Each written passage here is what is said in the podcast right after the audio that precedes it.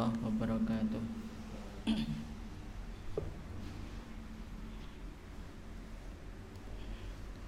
Alhamdulillah. Salatu wassalamu ala rasulillah Wa ala alihi Wa ashabihi wa mawalah. La hawla wa la quwata illa billah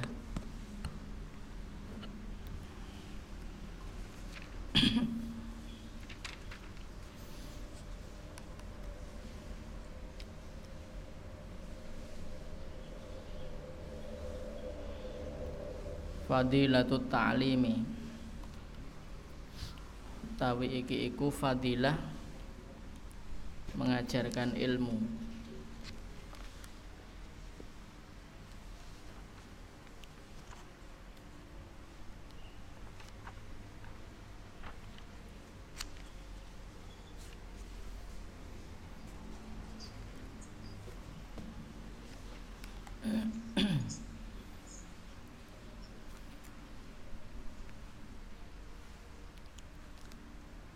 Allah Ta'ala berfirman Kul hadhihi sabili ad'u ila Katakanlah Wahai Muhammad ini adalah jalanku. Aku mengajak kepada Allah. Ala basiratin ana wa manitaba'ani Atas basirah Basirah itu adalah hujjah balighah Hujjah yang nyata aku maupun orang yang mengikutiku.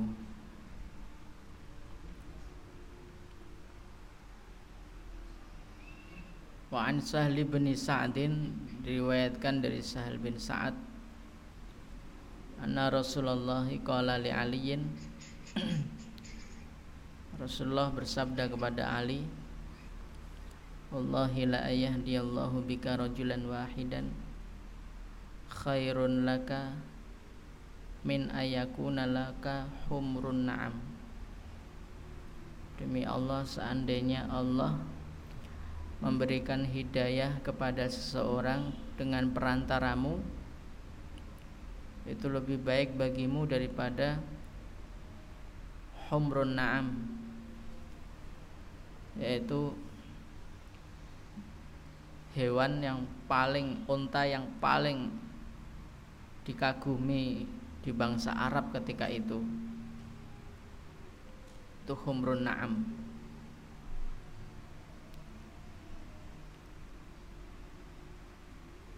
Kemudian kemarin kita sudah membahas yang hadis Nabi perumpamaan ilmu yang dibawa oleh Nabi itu seperti perumpamaan air hujan yang menimpa bumi atau tanah dan tanahnya itu macam-macam ada yang tanahnya itu nakiyah yang baik baik digunakan untuk sumur maupun untuk nandur itu bagus. Ada juga yang ajadib. Hanya bisa dipakai untuk sumur tapi untuk nanam itu nggak bisa. Ada yang parah ini qiyan, tanah yang tandus, kering kerontang. Dibuat sumur enggak keluar air, keluar airnya airnya busuk. Dibuat tanam, tanamannya enggak tumbuh. Ini adalah orang yang tidak berilmu, tidak punya ilmu dan tidak mau ngaji. Tidak mau tolabul ilmi pun jika mau tolabul ilmi niatnya itu hanya sebatas untuk supaya selamat dari status tidak disebut ngaji. Jadi ada orang tolabul ilmi itu hanya ingin supaya dia itu dianggap mempunyai status sebagai orang ngaji. Niatnya tolabul ilmi tidak betul-betul ingin mencari ilmu demi menambah bekal akhirat tetapi hanya untuk mengejar urusan dunia yaitu mengejar status karena kebetulan lingkungan di sekitarnya itu adalah lingkungan yang mengagung-agungkan tolabul ilmi sehingga kalau dia tidak ngaji maka dia tentu status tidak ngaji itu menjadi buruk. Nah dia akhirnya mau ngaji demi mengejar status supaya tidak dianggap nggak ngaji. Nah itu yang jadi masalah. Itu juga kian sama sebenarnya. Karena tolabul ilmu itu harus ikhlas. Betul-betul ikhlas lillahi ta'ala. Nah ini hadisnya sohih di kitab Bukhari dan Muslim.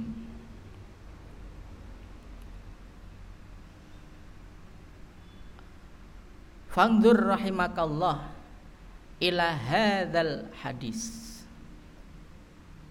Kitabnya udah ada. Sudah ada kitabnya. Kemarin di-share aja. Maka lihatlah kepada hadis ini. Betapa ini sangat menohok semua makhluk Bagaimana tidak menohok? Hadisnya jelas. Hadisnya sangat jelas tentang kategori-kategori orang yang ngaji. Kalau yang nakiyah itu dikasih ilmu itu langsung betul-betul mancep, mantep, yakin. Kalau ajadib ini pilah-pilih sesuai kepentingannya sesuai kepentingan dirinya diambil enggak sesuai dibuang. Nah, yang ketiga ini bingung ini. Seperti gimana ini?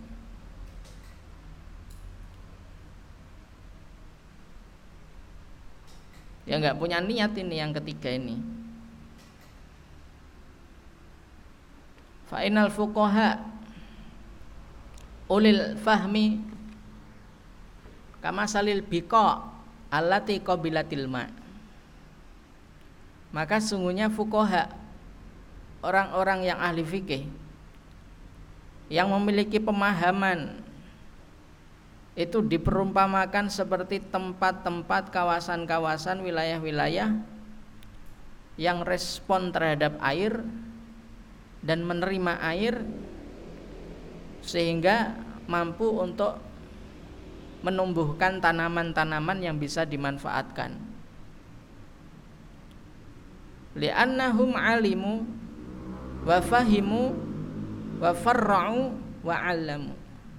Mereka berilmu, punya ilmu, mereka paham terus akhirnya mereka mengajarkan ilmunya itu kepada yang lain.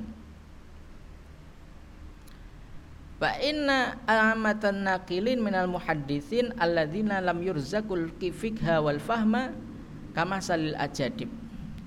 Sedangkan mayoritas para penukil-penukil yang hanya sekedar ahli hadis yang tidak diberi pemahaman fikih maupun pemahaman ilmu usul fikih mereka itu seperti tanah ajadib mereka yang menjaga ilmu tetapi mereka itu ya hanya sekedar menjaga saja. Tidak sampai mereka itu memberikan buah yang bisa dipetik diolah menjadi berbagai macam konsumsi. Makanya ahli hadis itu saklek rata-rata ahli hadis itu saklek. Nek hadisnya muning ini ya wis maksudnya ngono. Padahal tidak semua hadis itu bisa dipakai sebagai hujah hukum. Tidak semua hadis bisa dipakai sebagai hujah hukum. Sering kok Imam Malik itu yang mana Imam Malik itu ahli hadis, sering kok beliau itu tidak memakai hadis di dalam dalil. Padahal hadis merupakan dalil. Imam Syafi'i juga ahli hadis Beliau hafal kitab muatoknya Imam Malik, murid langsung Imam Malik dalam masalah hadis. Itu juga ada beberapa hadis yang tidak dipakainya.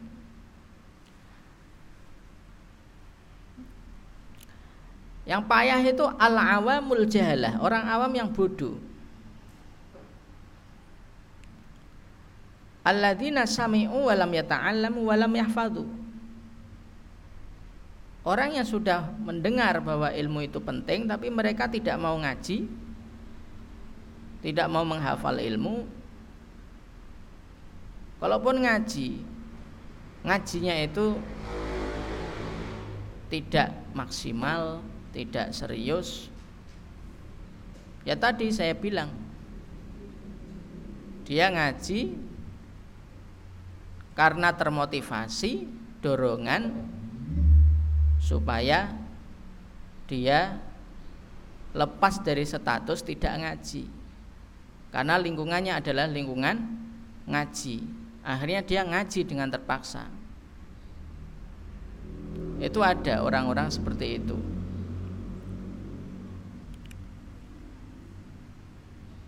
An Abdullah bin Amr bin As diriwayatkan dari Abdullah bin Amr bin As. Kala Rasulullah Rasulullah bersabda, Inna Allah la yakbidul ilma intiza'an yantazi'uhu minan nas. Sungguhnya Allah tidak mencabut ilmu, mengambil ilmu dengan mencabutnya dari manusia, tidak. Jadi misalnya saya belajar ilmu cara Allah mencabut ilmu itu bukan dengan ilmu diambil Allah dari otak saya bukan. Tapi dengan cara apa?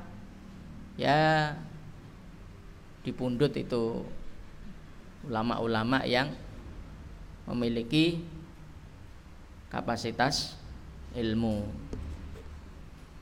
Jadi cara Allah mencabut ilmu dari muka bumi itu bukan mencabutnya, mencabut ilmu itu secara langsung dari dari benak ahli ilmu, tapi dicabutnya itu dengan diwafatkannya ahli ilmu tersebut. Jadi langsung total. Maka ketika ada ulama yang meninggal disebutkan dalam riwayat mautul alim mautul alam. Mati alim itu adalah kematian alam juga. Semakin sering kita dengar informasi kabar lelayu dari ulama yang meninggal ya berarti semakin alam ini itu menjadi mati menjadi jauh dari cahaya ilmu Walakin yakbidul ilma biqabdil ulama. Jadi Allah itu mencabut ilmu itu bukan dengan mencabutnya langsung dari manusia tetapi dicabutnya itu dengan mencabut nyawanya para ulama. Hatta idzalam yubki aliman sehingga ketika Allah tidak menyisakan kembali orang yang alim sudah tidak ada lagi orang yang alim. Ittakhadhan nasu ru'usan juhala. Manusia itu akhirnya akan mengambil pemimpin-pemimpin yang bodoh. Masu'ilu mereka ditanya itu pemimpin yang bodoh ini ditanya Aftau bighairi ilmin? Memberikan fatwanya itu tanpa ilmu ngawur-ngawuran. Pokoknya yang ngerti dijawab Angger takuni dijawab ngawur-ngawuran. Fadallu wa adallu. Akhirnya mereka sesat dan menyesatkan umat manusia karena fatwa sesat yang mereka keluarkan. Itu orang awam itu berani memberikan fatwa. Yang alim selevel Imam Malik saja itu pernah disodorkan kepada beliau itu pertanyaan 40 40 pertanyaan disodorkan kepada Imam Malik.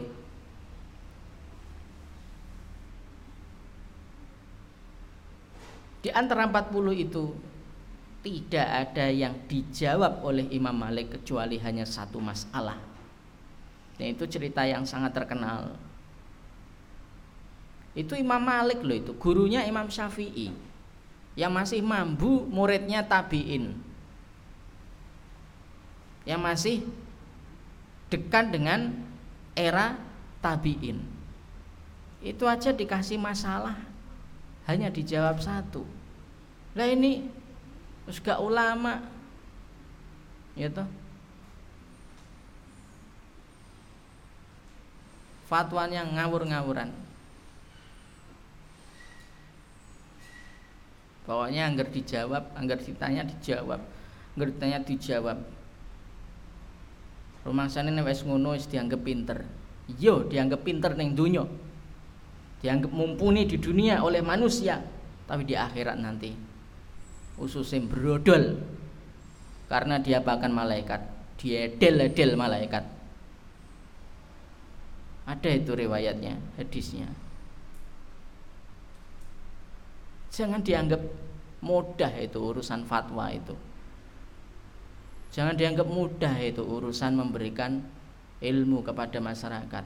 Sekali kita memberikan informasi yang tidak benar terkait dengan masalah keagamaan kepada masyarakat dan itu keliru, sekali itu pula kita mendapatkan siksa di akhirat. Konsekuensinya besar jadi ulama jangan dianggap enteng banyak itu orang awam itu. Mau kitab wes grodal gradul memberikan fatwa. Nah ini faaf tau bigori ilmin ini. Mereka memberikan fatwa tanpa ilmu. Nauzubillahimin dalik Jangan sekali-kali kita bersikap seperti ini. Karena sebenarnya orang yang seperti ini jauh dari ulama. Jauh dari ulama. Sangat jauh dari ulama. Dan bahkan jika itu dilakukan oleh ulama pun itu tanda ulama dunia. Ulama dunia itu tandanya adalah at-tasarru'u ilal fatwa at-tasarru'u ilal terlalu ambisius untuk memberikan fatwa jawaban masalah agama kepada umat tanpa dasar ilmu akhirnya menyebarkan informasi keilmuan yang tidak valid yang tidak bertanggung jawab. Dan jika itu fatwanya dipakai atas dasar kebodohan dosane itu dosa jariah. Dosanya itu apa? Dosa jariah. Ya, jangan tinggal enteng urusan agama ini. Mendinglah kita dianggap bodoh sebodoh-bodohnya. Tetapi kita alim di hadapan Allah daripada kita dianggap manusia. Pinter sebentar-pinternya. Tapi kita dianggap bodoh betul di hadapan Allah. Paham ini? Dan bagi pemuda tidak boleh merasa bahwa dirinya itu sudah alim. Tidak boleh. Itu adalah pantangan bagi tolibul ilmi.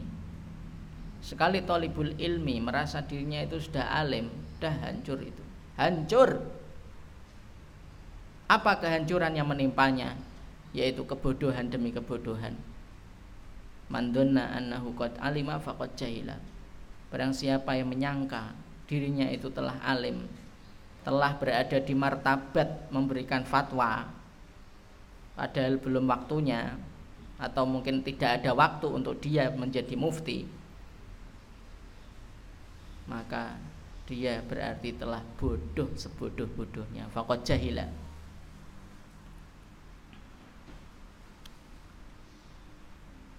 Fadullu wa adullu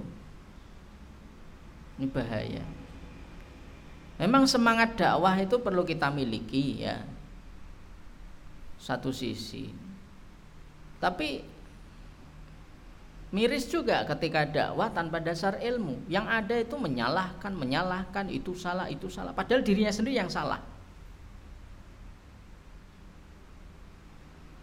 Ada orang yang saking antinya dengan zikir pakai lisan itu. Ada orang zikir pakai lisan langsung disalah-salahkan. Bid'ah itu zikir pakai lisan bid'ah bae po Zikir itu bisa kolbian, bisa lisanian, bisa rohian, jasadian. Zikir itu bisa zikir lisani. Zikir itu bisa zikir kolbi. Zikir itu bisa zikir jasadi. Enggak harus zikir tuh kolbi lah, artinya bosok kolbine piye? Ra iso tinggu zikir, ya mending zikir pakai li lisan. Zikire wong awam tuh justru pakai lisan. Gimana zikir lisan? Ya maca astagfirullah, astagfirullah, astagfirullah, astagfirullah, astagfirullah. Allahu akbar, Allahu akbar, Allahu akbar. Pakai suara enggak apa-apa. Ada kok dalilnya itu dalam Quran. Apa zikir pakai suara. Tadarru'au wa khufyah. Ini miris kalau ada orang awam yang belum punya kapasitas mufti kemudian dia seakan-akan mampu memfatwakan ilmu ilmunya masih pendek jauh dari ilmu jangankan ulama ya level muta'alim aja masih mendrip-mendrip ya karena ya tidak tidak kapasitas memberikan fatwa kepada masyarakat Nah itu yang ada adalah kebodohan. Termasuk mengajarkan pemahaman Al-Quran melalui tafsir dan sebagainya. Mufrodat belum tentu benar. Mufrodat keliru Sudah berani membuka pengajian tafsir Pengajian fahmul Quran dan sebagainya. Miris itu. Yang ada nanti adalah kesalahpahaman. Kalau memahami Quran tanpa nah semua yang mengajarkan tafsir semua yang mengajarkan pemahaman Al-Quran wajib fardu ain untuk faham ilmu nahwu sorof. Minimal menghatamkan syarah Ibnu Akil itu minimal loh. Syarah Ibnu Akil itu minimal. Lainnya syarah Ibnu Akil aja belum kecanda pemahamannya kok ngajarkan tafsir ngajarkan urusan pemahaman Quran. Itu yang ada itu lebih banyak salah pahamnya daripada benarnya. Saya sampai berpikiran bahwa tadabur Quran dengan terjemah itu bisa menyesatkan.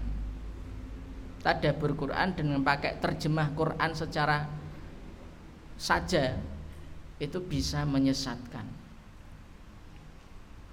Kenapa kok bisa menyesatkan?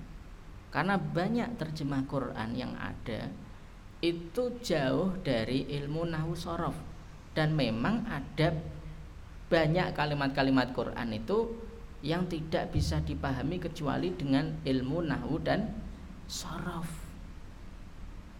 Banyak kok yang melenceng itu terjemah Quran. Makanya di sini Allah mengatakan agar kita itu jogo para ulama.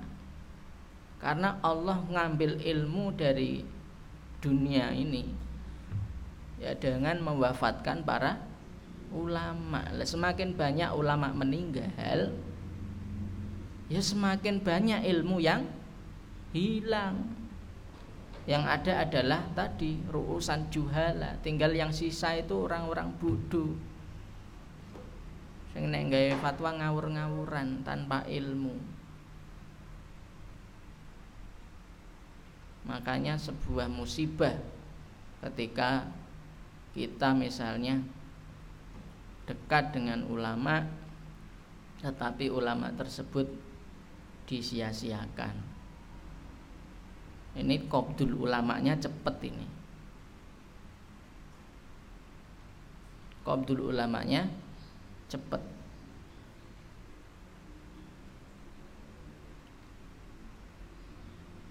Sehingga kalau qabdul ulama cepat ya cepat pula itu. Terjadinya juhalan yang bertebaran tadi. Akhirnya ya sesat menyesatkan. Ini hadisnya sohih sekali karena Bukhari Muslim. Nah ini yang perlu kita pahami terkait dengan fadilatul ulama. Hadis yang selanjutnya adalah hadis Abu Hurairah. Anna Nabiya qala idza mata nalikane meninggal sapa al insanu menungso ing kota mongko pedhot apa amaluhu amale yo insan ila angin min salasin saking telung perkara apabila manusia meninggal amalnya itu terputus. Kecuali dari tiga sumber aja ini. Tiga sumber ini. Satu sodakotin jariatin. Sodakoh yang mengalir pahalanya. Sudah saya sering jelaskan sodakotin jariatin ini adalah wakaf. Wakaf. Karena wakaf itu lillah miliknya Allah.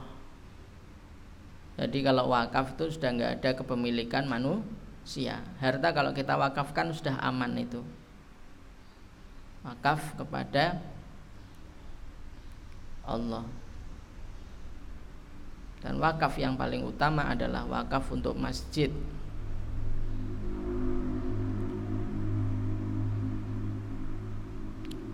Termasuk wakaf untuk pesantren pembangunan pesantren. Misalnya ada orang yang ilmunya luar biasa dia nggak punya pesantren nah masyarakat mengumpulkan dana untuk membangun pesantren bareng-bareng distatuskan wakaf nggak ada kepemilikan pribadi. Nah, kemudian dari situ kemudian dikelola oleh yang punya ilmu berkembang berkembang berkembang. Nah, akhirnya menjadi pesantren besar. Nah itu fungsi daripada wakaf itu seperti itu. Sokodakotin jariah. Wakaf itu luar biasa. Banyak kok wakaf perkembangan wakaf itu luar biasa. Kalau harta wakaf yang dikelola secara profesional dan dikembangkan secara secara dengan ilmu itu luar biasa. Contoh konkretnya adalah pesantren-pesantren yang sudah menerapkan wakaf. Gontor. Itu wakaf itu.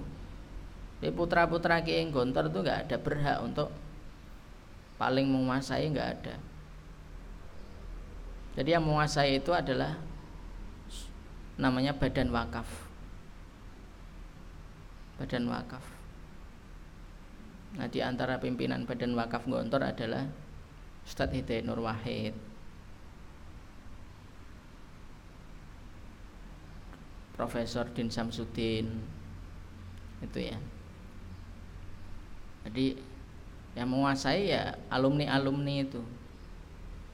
Nggak ada lagi penguasaan dari putra putrinya pendiri Gontor. Semua sudah diwakafkan. Namun tentu alumni tetap takzim dengan para keluarga kiai sehingga tetap yang mengelola itu adalah perwakilan dari kiai putra-putra yang masih ada pendirinya Mbah Zarkasi yang diambil dari terahnya Mbah Zarkasi sekarang Kiai Syukri Zarkasi dari Kiai Haji Abdullah Sahal ya diambil dari keluarganya yaitu Kiai Haji Hasan Abdullah Sahal. Jadi begitu. Yang betul-betul tidak camik-camik ya tidak ngambil bagian dari penerusan pengurus pimpinan Gontor itu yang adalah Kiai Haji Zainuddin. Kiai Zainuddin ini betul-betul dari putra-putranya nggak ada yang uh, Zainuddin Fanani. Tidak ada yang betul-betul menjadi pengurus Gontor saat ini nggak ada. Tapi putranya betul-betul lepas. Nah itulah jiwa sodakoh jariah yang tertanam dalam diri mereka di Jawa Tengah yang berkembang itu ya paling dekat sini ya yang paling berkembang pesantren wakaf itu adalah Tazaka daerah Batang Jawa Tengah. Daerah Batang itu ada pesantren namanya Tazaka cabang dari Pondok Modern Darussalam Gontor. Pengurusnya Kiai Haji Afza Masyhadi sama adiknya. Terus kaya Ardi Rois nunggulah pengurusnya. Ya ada yang bagian luar itu Kiai Haji Afza Masyadi itu bagian luar sadiknya bagian dalam. Terus ditambah satu yang tidak dari keluarga karena biasanya kalau adik kakak kan tukaran tuh nah kudu ono sing netral. Kudu ono sing netral. Gontor juga gitu sama. Trah Zarkasi dari sekarang Kiai Syukri Zarkasi Trah Mbah Abdullah Sahal bahasan Abdullah Sahal ada yang dari luar. Ada yang dari luar itu. Maksudnya tidak ada terah sama sekali dan betul-betul alumni. Itu adalah pesantren wakaf dan berkembang luar biasa. Nah ini adalah sodakotin jariah. Kalau digalakkan dan diaplikasikan oleh umat Islam itu luar biasa. Betul-betul dahsyat au ilmin yuntafa bih. Atau ilmu yang dimanfaatkan. Ilmu yang diambil manfaatnya.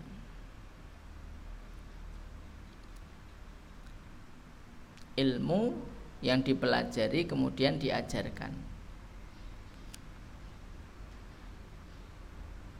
Tentu dengan cara yang sesuai tuntunan Rasulullah tuntunan para ulama awaladin solihin yadaulah ini yang ketiga. Anak soleh. Walad itu anak biologis. Solihin yang soleh. Yang mendoakan orang tuanya. Ya, semakin banyak anak ya semakin banyak yang mendoakan ya tergantung anaknya juga. Nah, anaknya durhaka ya ora tau undungane ora tau undungane pengene nguasai warisane. Nah durhaka iku. Tidak membahagiakan orang tua. Ya deulahu itu tidak hanya berdoa Robbi Firli saja. Nah, ngono cah gampang cah. Ya deulahu itu termasuk adalah semangat tafakufidin jadi oleh bakti neng wong tua itu tidak hanya bar salat robi firli saja nggak cukup. Nek ngono tok ya gampang cah. Harus juga tolabul ilmi tafakufiddin itu adalah cara yadaulahu juga. Kalau yadaulahu itu kan ahli ibadah bisa. Tapi nek tafakufiddin nek bermental ulama pura gelem kemauan tafakufidin itu loh. Itu aja kalau nggak bermental ulama ya nggak paham. Jarang kok orang yang tafakufidin itu.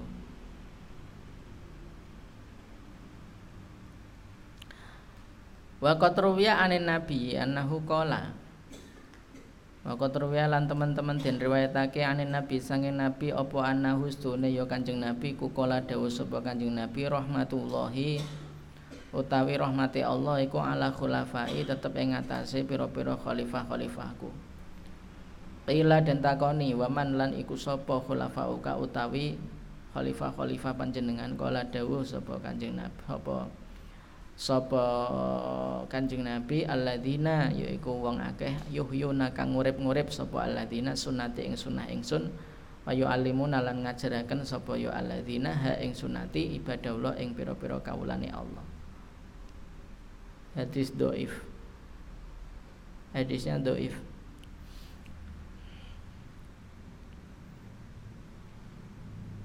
Saya juga heran sama Ibnul Jauzi ini.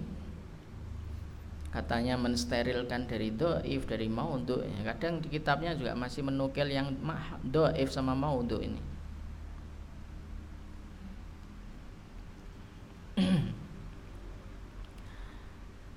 Rahmat Allah untuk para pengganti-penggantiku. Rasulullah ditanya, siapa pengganti engkau wahai Rasulullah? Rasulullah menjawab, Ya alladzina yuhyuna sunati, ya sing ngurip-ngurip sunahku ya para ulama kuwi ya. Ya ulama iku khulafa ur-rusul, penggantine para rasul. Sing musuhi ulama ya berarti musuhi Rasulullah. Sing gedhingi ulama ya gedhingi Rasulullah sing sensi karo ulama juga sensi dengan Rasulullah. Benci kepada ulama juga benci kepada Rasulullah. Jadi betul-betul disebut khulafa di hadis ini di hadis lain disebut warosah. Nek bagi saya ya lebih kuat warosah. Nek warosah kaya hubungan anak karo wong tua Iya kan? Artinya masih dianggap sebagai family Rasulullah. Ulama itu. Jadi memahami warosah itu kan pewaris ya. Itu berarti ulama termasuk ahlul rasul, keluarga rasul. Dan itu memang betul. Karena memang Imam Syafi'i mentafsirkan wa ala alihi itu al di situ adalah kullu mukminin taqiyin, setiap mukmin yang bertakwa. Sopo sing mukmin yang bertakwa? Ya para ulama. Ulama itu sing paling mukmin, ulama itu sing paling bertakwa. Karena takwa itu dengan ilmu. Iman juga dengan ilmu. Iman tanpa ilmu akan mudah terombang-ambing oleh waswasah syaitoniyah. Oleh apa? bisikan bisikan-bisikan halus dari setan. Gunjang ganjing itu akidahnya.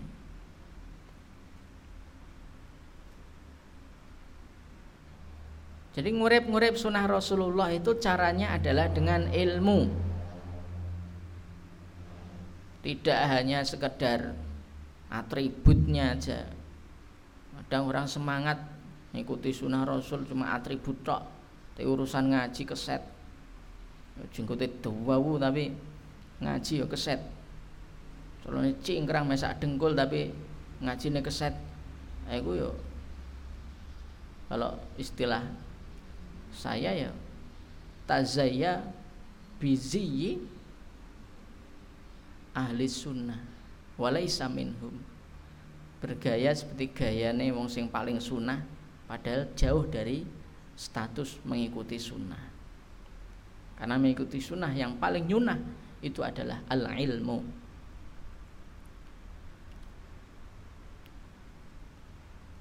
Qala Umar bin Al-Khattab dalam asar Umar bin Khattab mengatakan